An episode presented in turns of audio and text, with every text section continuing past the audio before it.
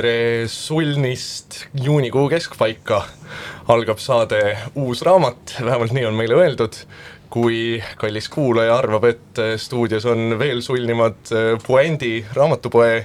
tegijad, siis kallis kuulaja täna paraku eksib, sellepärast et stuudio on vallutanud hoopis Paide teater, Paide teatri meeskond, mina olen Jan,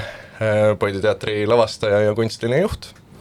mina olen Oliver, Paide teatri dramaturg Jou-jou-jou ja mina olen Kirill, mina olen Paide teatri näitleja. jaa, ma ei tea, mina pean tunnistama küll, et see on esimene raadiosaade elus, mida ma teen, aga samas ma olen alati mõelnud, et see on üks kõige sulnimaid ameteid, ma kasutan juba kolmandat korda sõna sulnis. Sujub, sujub. just, just, et see on üks kõige toredamaid ameteid, mida üldse võiks inimene endale loota ja siin Telliskivis praegu olla. Ja istuda on täitsa tore, eriti meeldivas seltskonnas me räägime täna Paide teatrist üllatuslikult ja ennekõike Paide teatri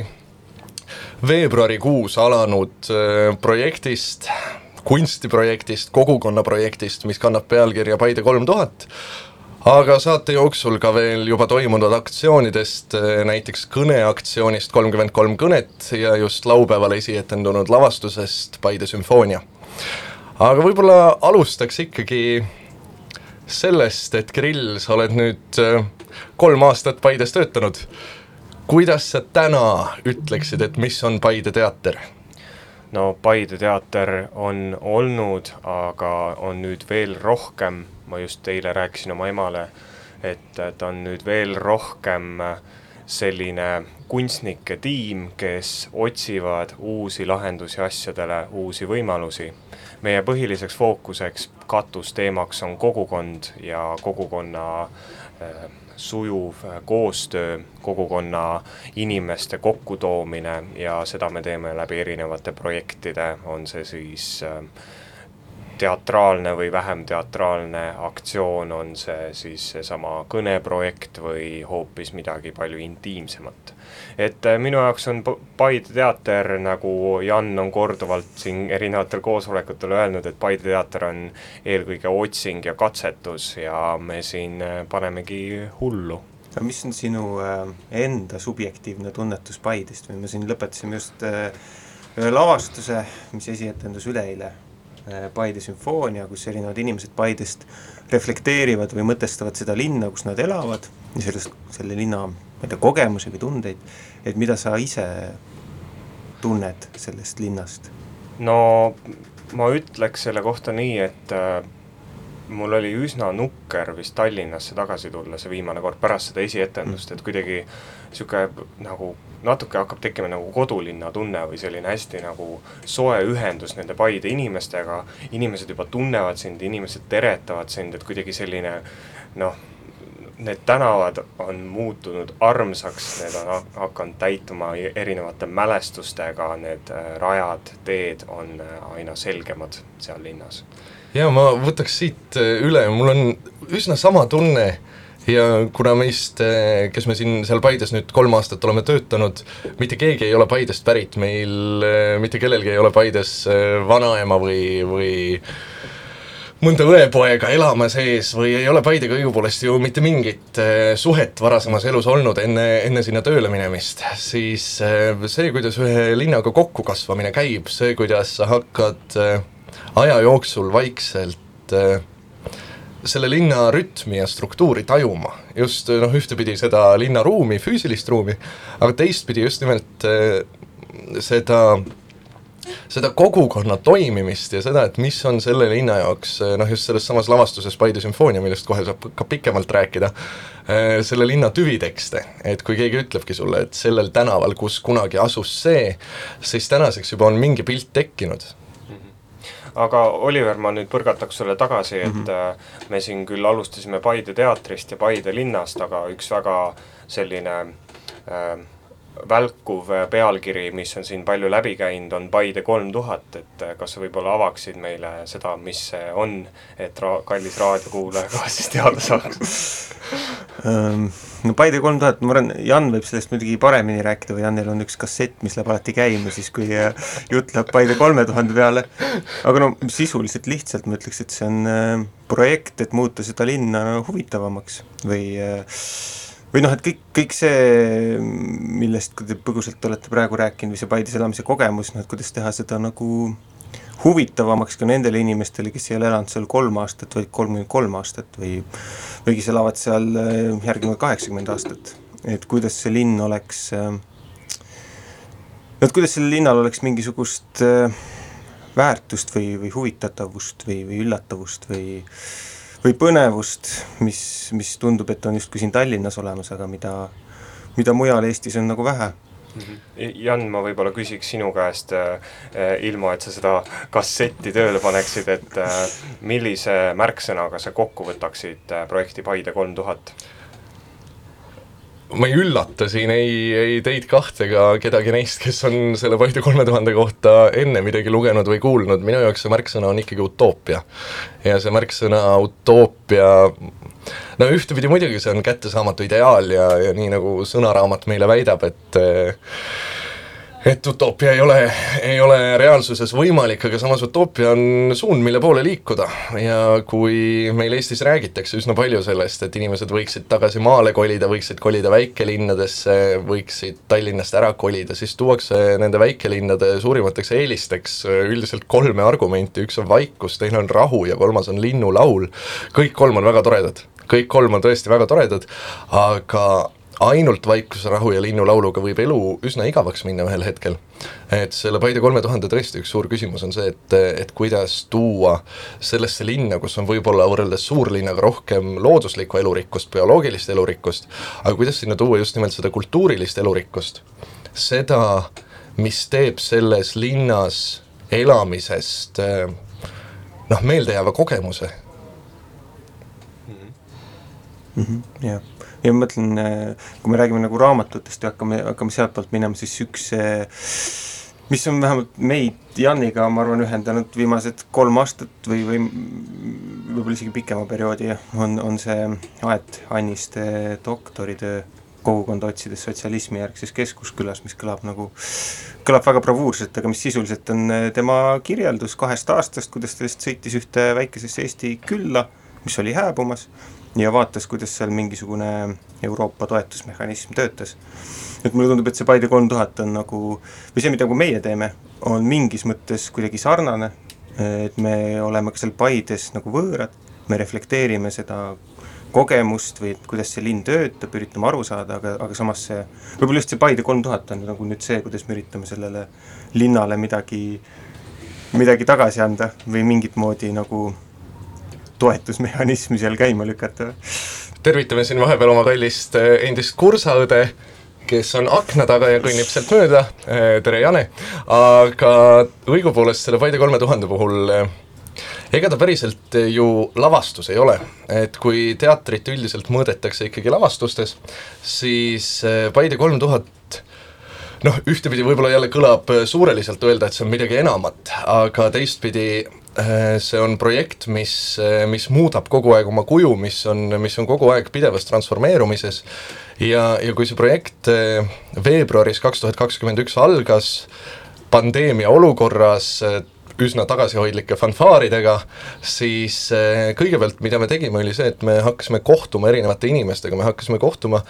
Jan Kausi parafraseerides eh, läbi mikroskoobi ja läbi teleskoobi, kohtuma ühtepidi Paide kohalike inimestega, nei-, nendega, kes on justkui Paide elu eksperdid seestpoolt, ja siis teistpidi just nimelt antropoloogide, sotsioloogide, urbanistide, arhitektide, poli-, politoloogidega, kes tajuvad võib-olla mingeid äh, mustreid laiemalt ja, ja, ja üritasime ja oleme, ja üritame siiamaani kaardistada just nimelt äh, neid punkte, teemasid, kitsaskohti ja teistpidi ka võimalusi, et kuidas eh, just nimelt teatriinstitutsioon kahekümne esimesel sajandil võiks ühe kogukonna elu kujundada või muuta jah, või siis kunst ka üleüldiselt, et eh, mina arvan küll, et minu eh, selline eesmärk kunstnikuna on alati üritada teha midagi võimatut või, või nagu väljakutsuvat, et midagi mugavat teha mina praeguses eluetapis ja ma usun, et ka teie kaks mm -hmm. ei tahaks. et äh,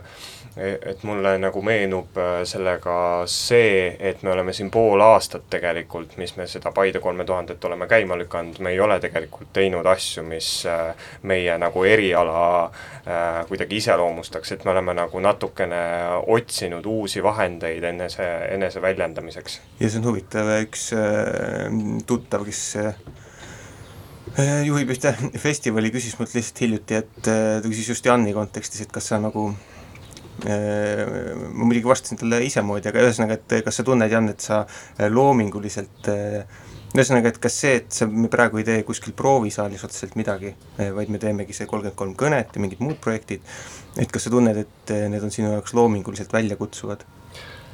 Jaa, tunnen küll,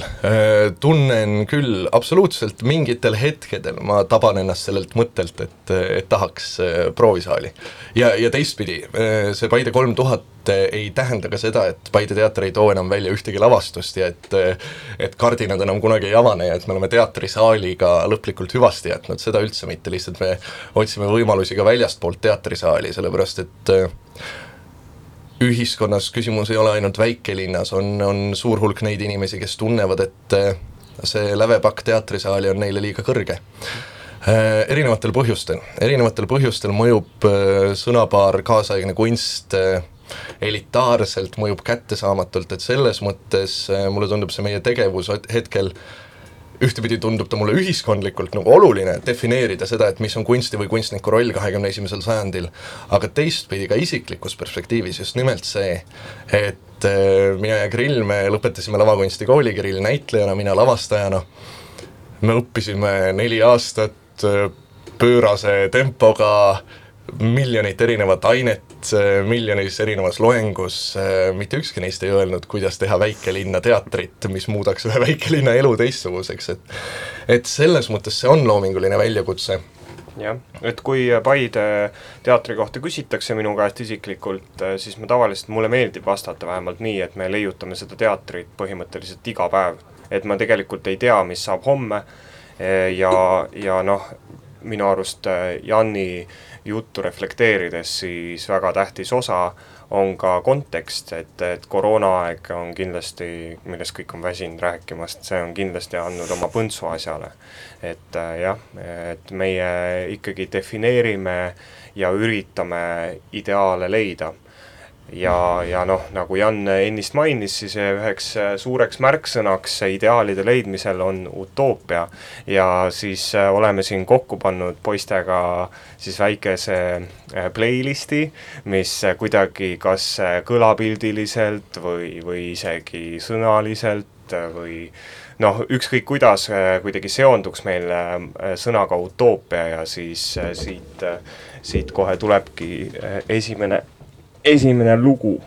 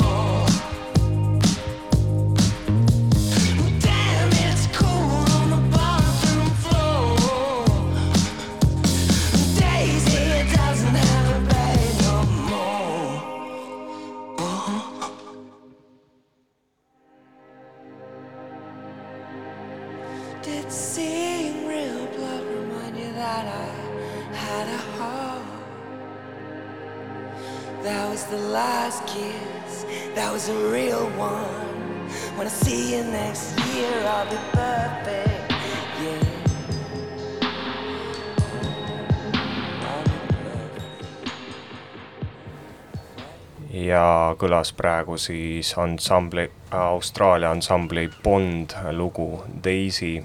Bond on üks väga huvitav bänd, see, seda võiks nimetada Tame Impala sõsarbändiks ja nemad on olnud sellised eksperimenteerijad ja uute reaalsuste loojad, kui samas, samas kui Tame Impala on olnud pigem selline popi, popilaadne ja selline popi ikoon. jah, popi teeniv nagu äh, ansambel. Aga nüüd siis äh, liigume edasi ja võib-olla võtame meie Paide teatri ja Paide kolme tuhande aktsioone üksipulgi läbi. jaa, võib-olla me alustame või peatume korraks eh, kolmekümne kolmel kõnel sellisel aktsioonil, mis on ka põhjus, miks me tõenäoliselt siin oleme, või noh, ongi põhjus mingit pidi, mille jooksul siis kolmandast maist neljanda juunini Paide keskväljakul pidasid kõne kolmkümmend kolm inimest, kes rääkisid Eesti tulevikust ja mõni rääkis ka ilmast ja mõni rääkis eh, eelneva õhtu unenäost, aga nüüd, kus sellest viimasest kõnest on juba nädal või isegi rohkem möödas, siis ma ei tea, Jan, mis sa, mis tunne on? hea, selles mõttes, et ähm, mitte ühegi kõne lõpus ei kutsunud kõneleja oma kõnepuldist rahvast mässule, Bastille jäi vallutamata ja nii edasi. aga teistpidi ongi võib-olla huvitav see, et äh, millised mõtted neist kõnedest jäävad ajas kajama. millised mõtted neist kõnedest, mille, mille puhul me andsime kõnelejatele, olu-, oli see siis president või õiguskantsler või, või mõni luuletaja või, või, või mõni Paide kohaliku elu eestvedaja, siis me andsime neile kõigile ette ainult lähteteema ja ega me sellega ka nagu väga lihtsalt, lihtsaks seda ülesannet ei teinud, sellepärast et teema me sõnastasime nii, et kuhu edasi ja kuidas edasi Eesti. ja sellele küsimusele väga ilus oli jälgis, jälgida seda, kuidas kõik kõnelejad tõesti vastasid, vastasid kohutavalt erinevalt sellele väga avatud küsimusele. Ja mulle tundub, et et hästi palju sõltubki nüüd sellest, et, et kuidas maailma, maailmas asjad üldse praegu edasi kulgevad. et meist mitte keegi ei tea täna, kas see maikuu, kus me tajusime juba piirangute lõdvenemist, täna, kus me tajume jätkuvalt sedasama lõdvenemist ja, ja peaaegu oleme, oleme jälle harjumas selle eluga nii, nagu ta suviti Eestimaal ikka on, et kas see oli viimane lockdown või tuleb neid veel? noh, just nimelt sellesama koroona või kroonviirusega seoses et sellest sõltub, mulle tundub hästi palju, kui, kuhu ajaliselt äh, ja, ja mõtteruumis need kõned asetuvad ja, ja et millised mõtted sealt kõlama jäävad. kui ma Kirillilt küsin siit võib-olla edasi, et, et mis või millised kõned olid sulle ehk kõige inspireerivamad või millised mõtted olid, olid need, mis panid äh, sind ennast kõige rohkem kaasa mõtlema?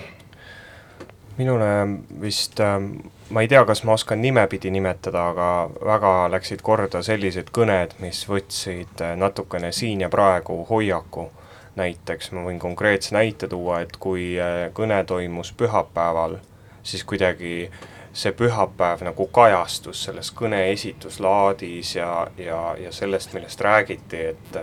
et olid kuidagi kõik kõik pühapäevad olid kuidagi hästi pühapäevalikud nagu, et, et ei olnud sellist,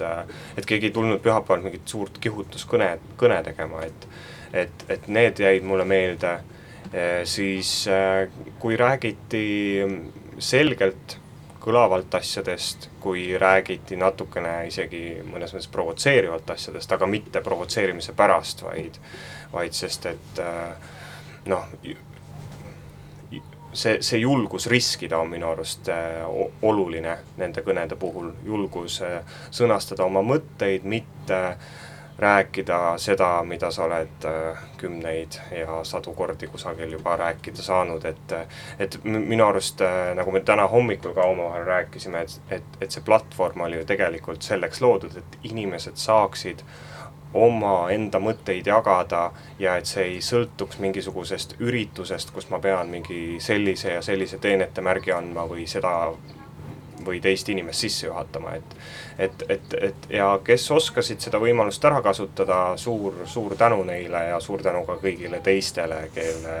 kõned olid samuti äh, tabavad ja kõlavad ja eks, eks nende kõnedega on ju keeruline see, mida me oleme siin omakeskis ja kõikide ja praktiliselt kõikide kõnelejatega ka arutanud, et noh, kõne on mingis mõttes suuline vorm mm,. seesama, mis sa rääkisid, et on pühapäeva õhtu, seesama sume päike, mis seal mis seal kõnelejale peale paistab või kuulajaid puudutab või, või vihm, mis, mis sajab ja, ja noh, mis iganes need muud asjaolud mis hiljem ju selles kõne kirjalikus variandis kuidagi ei kajastu ja mis isegi noh, remark, et paistab päike, ei anna ju edasi tegelikult seda, mis mis selle kõne ümber on, ehk siis see küsimus, et kuidas need kõned panna raamatusse või et mis sellest raamatust saab, mida me siin, mida me siin aktiivselt koostame, et puändiga koostöös kusjuures. puändiga koostöös jah, et see, see on nagu mingis mõttes küsimus, et kuidas äh, noh, kuidas lisada sellele raamatule mingit väärtust, et see ei oleks lihtsalt monument või mingi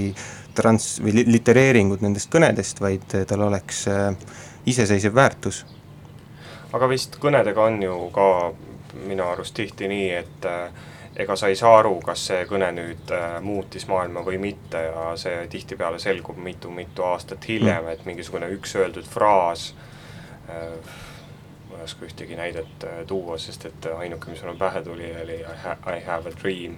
aga see nagu lõi kohe laineid, aga mm -hmm. kindlasti on selliseid kõnesid, mis on alles aasta hiljem, aastaid hiljem on kuidagi, kuidagi veepinnale ulpinud jaa, no eks seal on muidugi see, et meil on ju ka kõikidest nendest kõnedest äh, tegelikult videosalvestused, mis noh, kas või ma ei tea, lõppkokkuvõttes Lennart Meri kõnedest noh, et ühesõnaga, et meil on väga kvaliteetsed salvestused kõikidest nendest etteastetest, mis äh, nagu kuidagi noh, kuidagi, kuidas seda ühildada selle kõne mm, kirjaliku osaga või et äh, kas pigem jääb kõlama see sõna, mis on kuhugi kirjutatud või pigem jääb kõlama mingisugune videoklipp, on ju. ma arvan, et hästi oluline selle aktsiooni puhul on jätkuvalt seesama kolmkümmend kolm selle, selles pealkirjas. see, et neid kõnesid oli kolmkümmend kolm, et neid peeti kolmekümne kolmel järjestikusel õhtul ilma pausideta, et rääkis kolmkümmend kolm inimest, kolmkümmend kolm inimest väga erinevatelt elualadelt, väga, väga erinevas vanuses, väga erineva taustaga, väga erineva maailmavaatega. Ja ehk just nimelt see raamat, kuhu nad puändiga koostöös saavad koondatud, annab äh, võimaluse äh, märgata seda või rahulikult äh, süveneda sellesse, et milline on see maailm täna maikuus äh, või noh, nüüd juunikuus, aga, aga siis, kui need kõned peeti maikuus äh, kaks tuhat kakskümmend üks, mis on need teemad, mis hakkavad korduma, sest väga selgelt kõned olid erinevad, aga mingid mustrid hakkasid tekkima. Äh, ilma igasuguse üllatuseta, üks peateemasid oli selgelt, oli selgelt kliima ja keskkond. Aga, aga et millised on need mustrid, mis sealt võib-olla esimesel kuulamisel välja ei kõla, aga, aga raamatus ehk küll, et see raamat võiks äh, ideaalis, ja ma loodan, et nii see ka läheb, jääda mingiks nurgakiviks, mingiks nurgakiviks sellest aastast kaks tuhat kakskümmend üks ja tegelikult võib-olla üldse kahekümne esimese sajandi esimese kahekümnendi kokkuvõtteks. Ja, ja mulle tundub ka tegelikult, et noh, seesama otsus, mis me tegime, et me ei pane neid kõnesid, on ju, ajalisse järjestusse, vaid me paneme need kõned uude järjestusse niiviisi, et nad saaksid noh, tegelikult üksteisega dialoogi astuda, et kõned, mis peeti võib-olla noh, ma ei tea, kahekümnepäevase vahega mm, satuvad seal raamatus järjestikku ja, ja sealt äh, on võimalik lugeda välja hoopis mingisuguseid teisi äh, kohti või tekste või mõtteid või mingid te, hoopis teised teemad või märksõnad jäävad nagu kõlama. kui korra välja suumida sellest äh, nii-öelda sellest raamatu teemast ja tulla tagasi aktsiooni enda juurde, siis, äh, siis minu arust äh, hästi märgiline on see, kuidas, äh, kuidas need inimesed, kes kohale tulid, said Paides selle elamuse, et, et noh, minu arust äh, see oli, see oli imeline, et tegelikult iga päev käis meil kuuekümnest kuni saja viiekümneni inimese, inimeseni kohal, et, et, et oli hästi palju inimesi ja kõik olid kohalikud, et hästi vähe inimesi tuli tegelikult Tallinnast ja Tartust. et kuidas, kuidas te ise tunnete selles osas? see oli ju ka see üks selle aktsiooni eesmärke. Äh, Paide identiteeti on viimase väga-väga mitme aasta jooksul defineerinud ennekõike, ennekõike üks festival ja see on Arvamusfestival. Äh, arvamusfestival toimub äh, igal aastal kahel päeval augustikuus ja siis ta saab otsa ja ma arvan, et Kirilliga me oleme sellest kindlasti rääkinud ja, ja Oliveriga õigupoolest ka, et see Arvamusfestivali järgne päev Paides, mis on alati augustikuu keskpaigas, kus mujal Eestis suvi veel kestab ja õitseb ja õilmitseb, siis Paides tundub eh, tol päeval, kus kõik eh, alad on ära koristatud ja, ja, ja arvajad on linnast lahkunud, et ühe hetkega, ühe homme, ühe ööga saabus linna sügis. peatänav on tühi, seal lendab ringi paar tühja kilekotti ja krõpsupakki ja tundub, et eh, et isegi kui mujal suvi veel jätkub, siis Paidest on ta lahkunud. meie küsimus selle aktsiooniga oli tegelikult küll ju see, et kas Paide, Eestimaa geograafiline keskpunkt, ei võiks olla Eesti visioonikeskus äh, läbi aasta. kas ei võiks olla üks väike linn, kus saab täiesti vabalt, ilma igasuguste takistusteta, ilma Riigikogu laeta äh, suurelt mõelda ja, ja julgelt mõelda ja just nimelt sellepärast ka see avar teemavalik, et et pakkuda inimestele, kes tihti peavad tegelema ainult päevapoliitiliste teemadega, et pakkuda neile platvormi äh, suurteks mõteteks, et nad saaksid julgelt visioneerida ja rääkida sellest, kuhu nad just nimelt nendesamade päevapoliitiliste otsustega, millisesse Eestisse nad teel on või millist Eestit nemad ette kujutavad, millises Eestis nemad elada tahaksid jah, selles mõttes ma just siin rõhutaks võib-olla seda Eestit, et et võib-olla kallis raadiokuulaja siin mõtleb, et Paide, Paide, et mis te jahute siin sellest Paidest, et ma ei tea isegi, kus see asub, on ju. et, et siis, siis tegelikult see mudel, mida me üritame arendada Paide kolme tuha-, Paide kolme tuhandega, on ju tegelikult äh, selles mõttes taandatav ka teistele Eesti väikelinnadele, on see siis Türi, on see Põlva, on see Elva, Tartu ma ei tea, kas Tartu tegelikult väikelinn on, aga noh, see selleks, et, et selles mõttes minu arust meil õnnestus äh, äh, niimoodi kolmkümmend kolm päeva järjest pakkuda seda maagiat ja fantaseerimise võimalust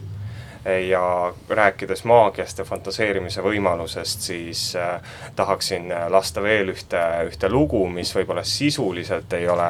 ei ole kuidagigi äh, fantaasiast või fantaseerimiselt, aga kui kuulata seda kõlapilti, seda cloud-räpilikku kõlapilti, siis see pakub väga palju sellist fantaasiaküllasust ja fantaasiarohkust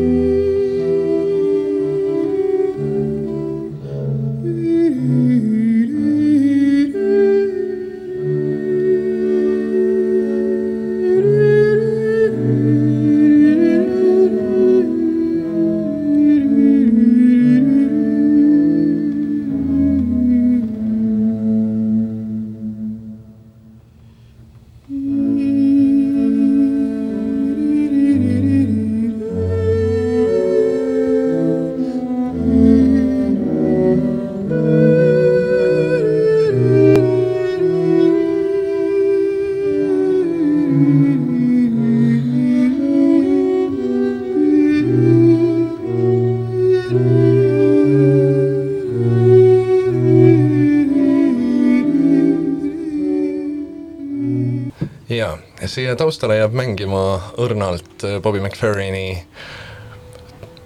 variatsioon Bachi Eerist, aga samal ajal meie räägime edasi just laupäeva õhtul esietendunud lavastusest Paide sümfoonia.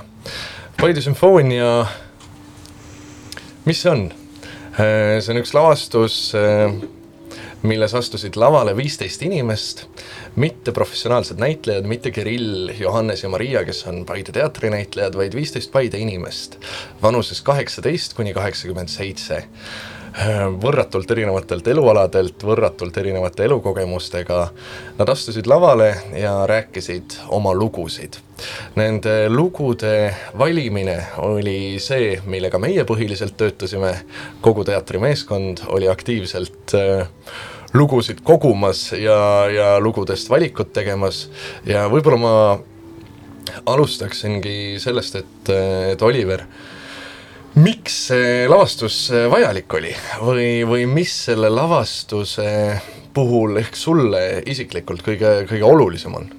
mulle tundub nüüd äh, tagasi vaadates, eriti praegu, no muidugi kaks päeva möödas esietendusest, aga ikkagi, et see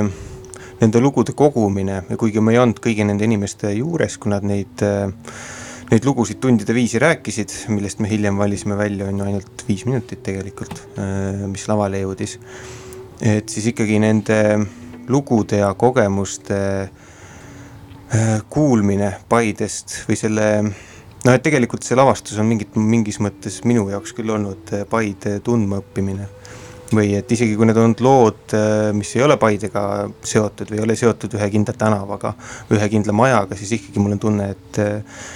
et ma kuidagi tajun seda Paidet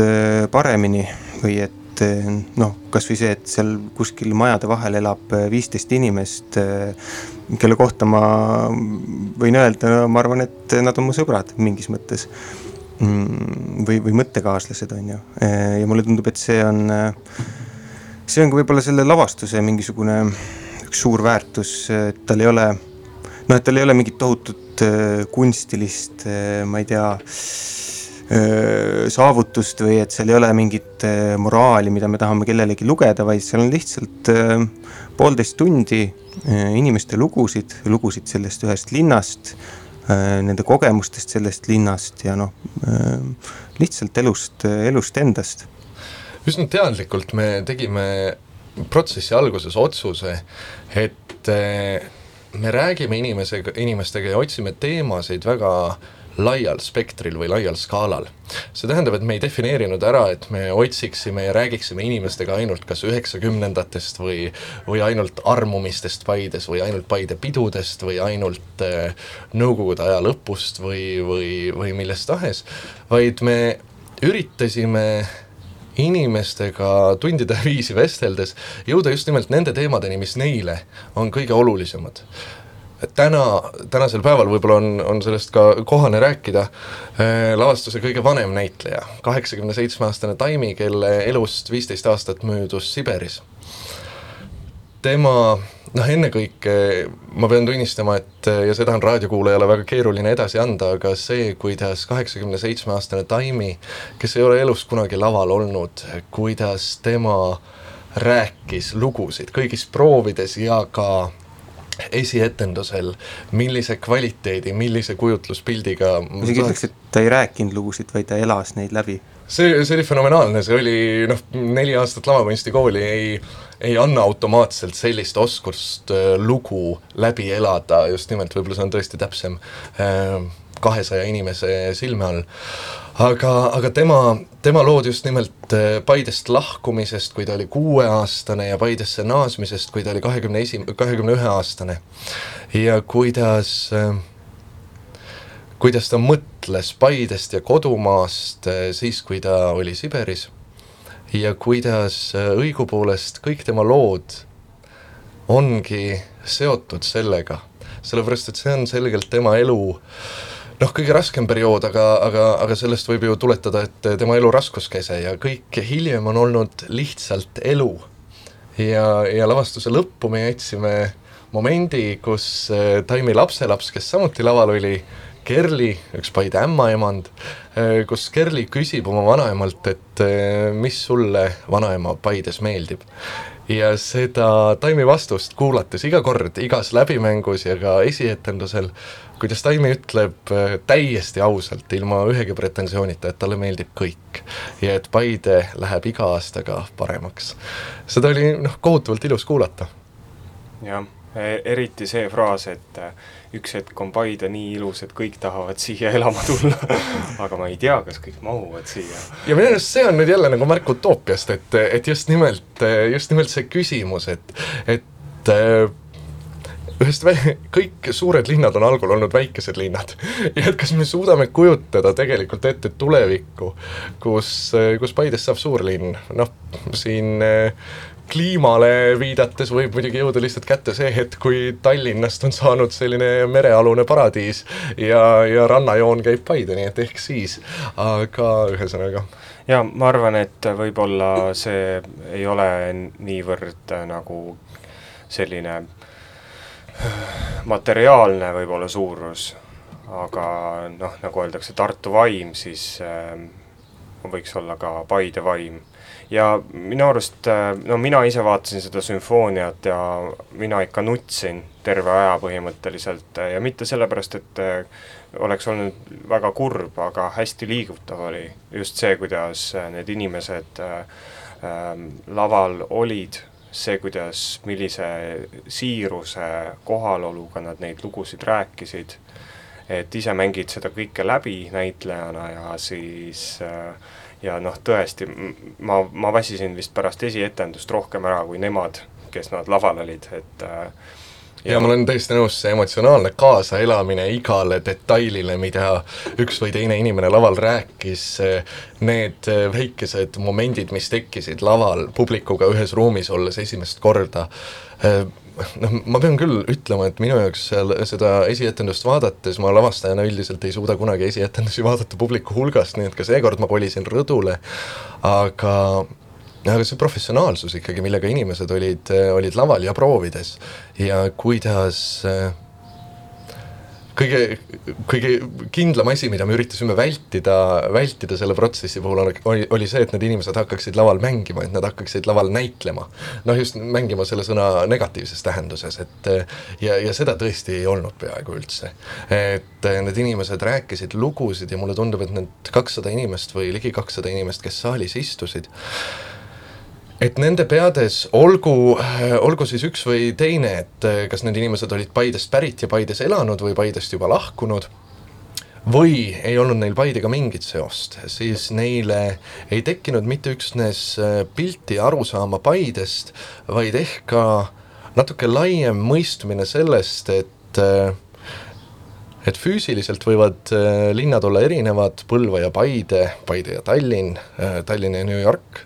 aga, aga neis, neid kõiki ühendab see väike fakt, et neis elavad inimesed, kes paratamatult komistavad ja kukuvad, armuvad, abielluvad äh,, kelle elus on hetki, mis teevad nad rõõmsaks, kelle elus on hetki, kus nad on väga-väga maas, kus nad nutavad. et, et just nimelt see linnade inimlikkus ma arvan, ja, ja Paide inimlikkus tuli, mulle tundub, äh, sellest lavastusest äh, välja ja üllatuslikult, ma arvan, meile endalegi, et mm. -hmm.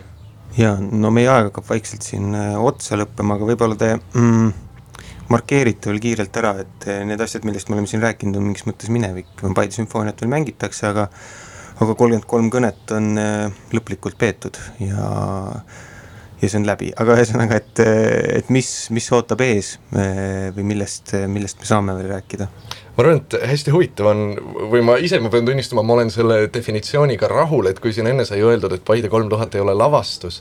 vaid, vaid projekt, mis pidevalt muutub, siis Paide kolme tuhande puhul me oleme märkinud äh, selle projekti lõpptähtajaks äh, sellise,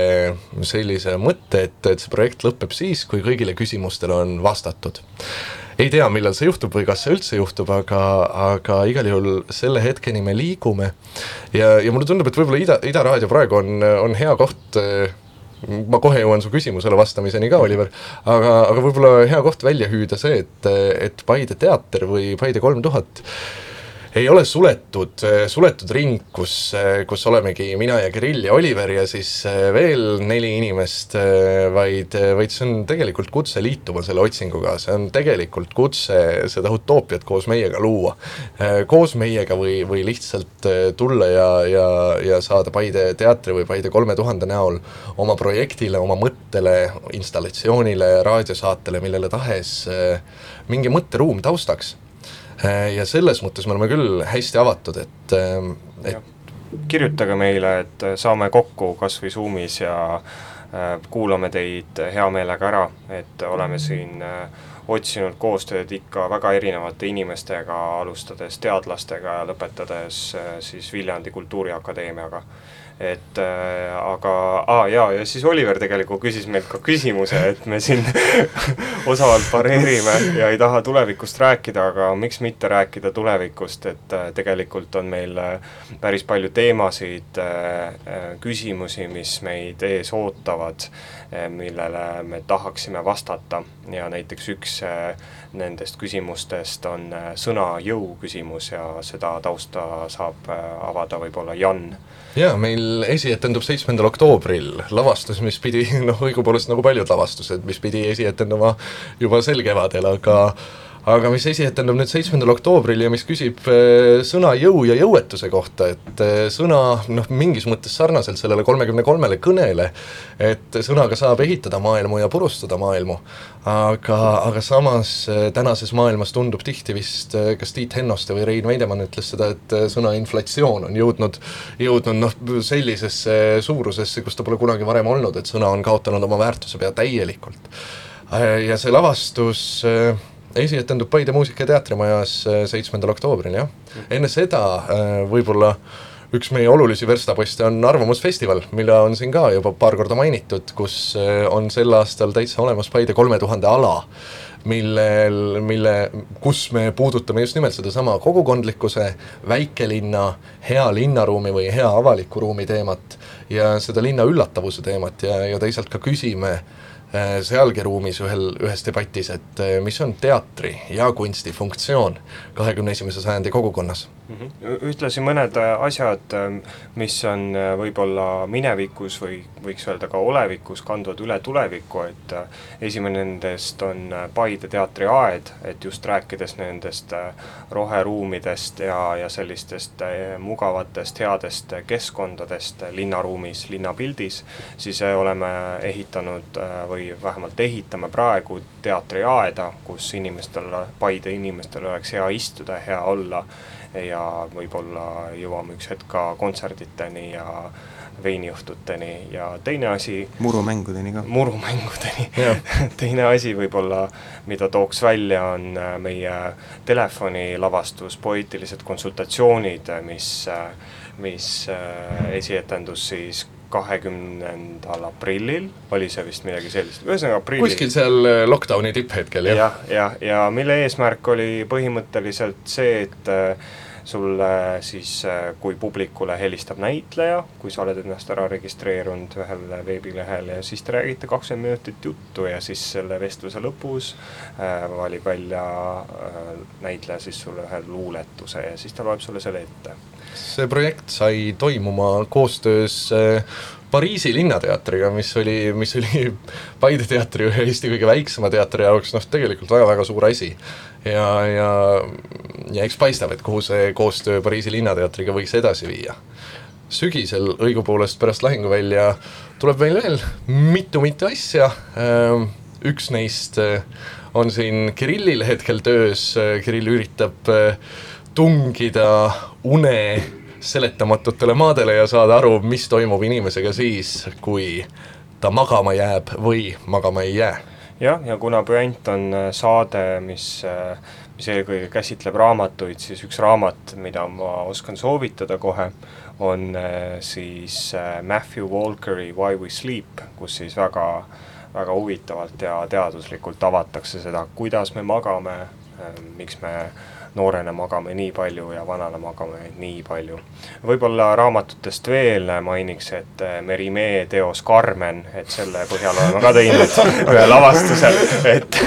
see, see, seda me mängime ka sügisel, et kindlasti äh, shout out Must Kast ja shout out kõik teised, kes Carmenis äh, siis osa saavad. nüüd algas siis selle saate reklaami osa, me täname jätkuvalt puänti, et nad meile selle saate andsid, see tund hakkab vaikselt ümber saama, aga aga enne kui ma unustan, siis ma mõtlesin veel, et eh, tegelikult üks oluline verstapost eh, mitte ainult Paide teatrile, aga eh, vaid ka kogu ühiskonnale tegelikult on sügisesed kohalike omavalitsuste valimised. ja, ja kuna me just nimelt üritame ikkagi suuresti tegeleda selle linna elu mõtestamisega ja ühe väikelinna mõtestamise, kaardistamise ja, ja võib-olla ka selle suundade mõjutamisega, siis meie jaoks on see KOV valimised eh, kaks tuhat kakskümmend üks eh, küll ütlemata huvitav ja inspireeriv platvorm, et et noh, ka siin vastates sellele Oliveri eelmisele küsimusele, et, et kas eh, Paide teatri kunstiline juht Jan Teevet tunneb neid projekte tehes loomingulist väljakutset, siis eh, ikka väga tunnen selles mõttes, et et mulle ka tundub, et ühiskond on, on mitmes mõttes muutunud nii küüniliseks, et teatril ei ole täna enam äh,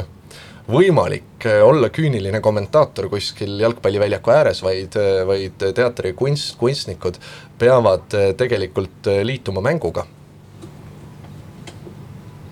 jaa, et need kohalike omavalitsuste valimised on siis tulemas ja vot minu mõte jooksis kinni, vot ei olegi siin nagu selline väga professionaalne raadiosaatejuht. aga võib-olla äh, ma siis põrgataks selle palli siin Oliverile, kes äh, on äh, pikalt kuulanud meid kahte pläkutajat, et Oliver milline suhe on sinul raamatutega selline küsimus wow. ei, ma ei tea, mul on, kuna need viimase kolmkümmend kolm kõnet ja nüüd see Paide sümfoonia ehk siis viimased mingid poolteist kuud on olnud väga äh, kiire, siis ma ei ole jõudnud üldse ilukirjandust lugeda, nii et äh, nüüd ma eile vist või üleeile juba alustasin äh, sellise Hieronymose sarja raamatuga nagu Dos Passos, või tähendab, Dos Passos on autor ja ja raamat on siis äh, Ameerika triloogia esimene osa. Äh, ja see on äh, selles mõttes mõnus või selline ilukirjanduse, ühesõnaga, et ei tohi kätt ilukirjanduse pulsi pealt äh, ära lasta. Jan, võib-olla üks raamatusoovitus ka sinu poolt? Ehm,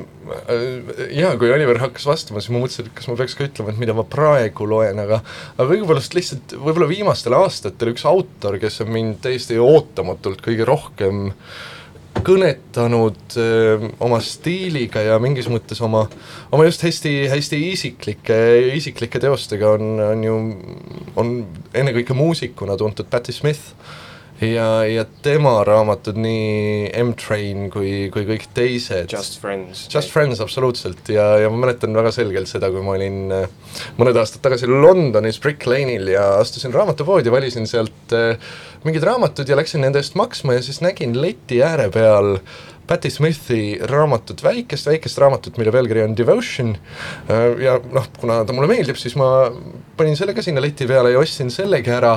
Ja siis astusin Brick Lane'i päikese kätte ja, ja tegin selle Devotion'i lahti. Ja esimene sõna, mida ma märkasin või sõnakolmik oli Martti Heldes Ristules. Ja, ja õigupoolest noh, pöörane kokkumine Lon-, kohtumine Londonis Ameerika autoriga, kes on näinud Martti Helde ristuules treilerit ja otsustanud selle pealt kirjutada ühe raamatu. ja ma küsin veel lõpetuseks selle küsimuse ära, mida ma teilt ennem juba küsisin, aga ikkagi äh, äh, Kirill ja Jan, kas pigem sõna või lause? pigem mõte. ja mina, nagu ma ka enne ütlesin, pigem tähendus. või õigemini, tähenduste paljusus. Äh, ma siis äh, võib-olla teataks äh, kõikidele raadiokuulajatele, et meie saateaeg hakkab läbi saama ja meie hakkame vaikselt siis Paide poole liikuma tagasi oma äh, nii-öelda põhimõtteliselt kodulinna, koduteatrisse. aga ja... veel mõne hetke vältel võib meiega siin Telliskivis kokku põrgata. jah, et, et selles mõttes äh, hakkame sinnapoole liikuma ja lõpetuseks äh, laseks siis ka ühe loo, mis äh, seda ilusasti olles äh, esitatud Paide bändi poolt ja, ja, ja, ja ka selle loo sisu võtaks siis selle teema kokku. aitäh teile, aitäh Jan, aitäh Oliver, aitäh, Kirill! olge mõnusad ja ilusat sünnipäeva Karl Edgar Tammile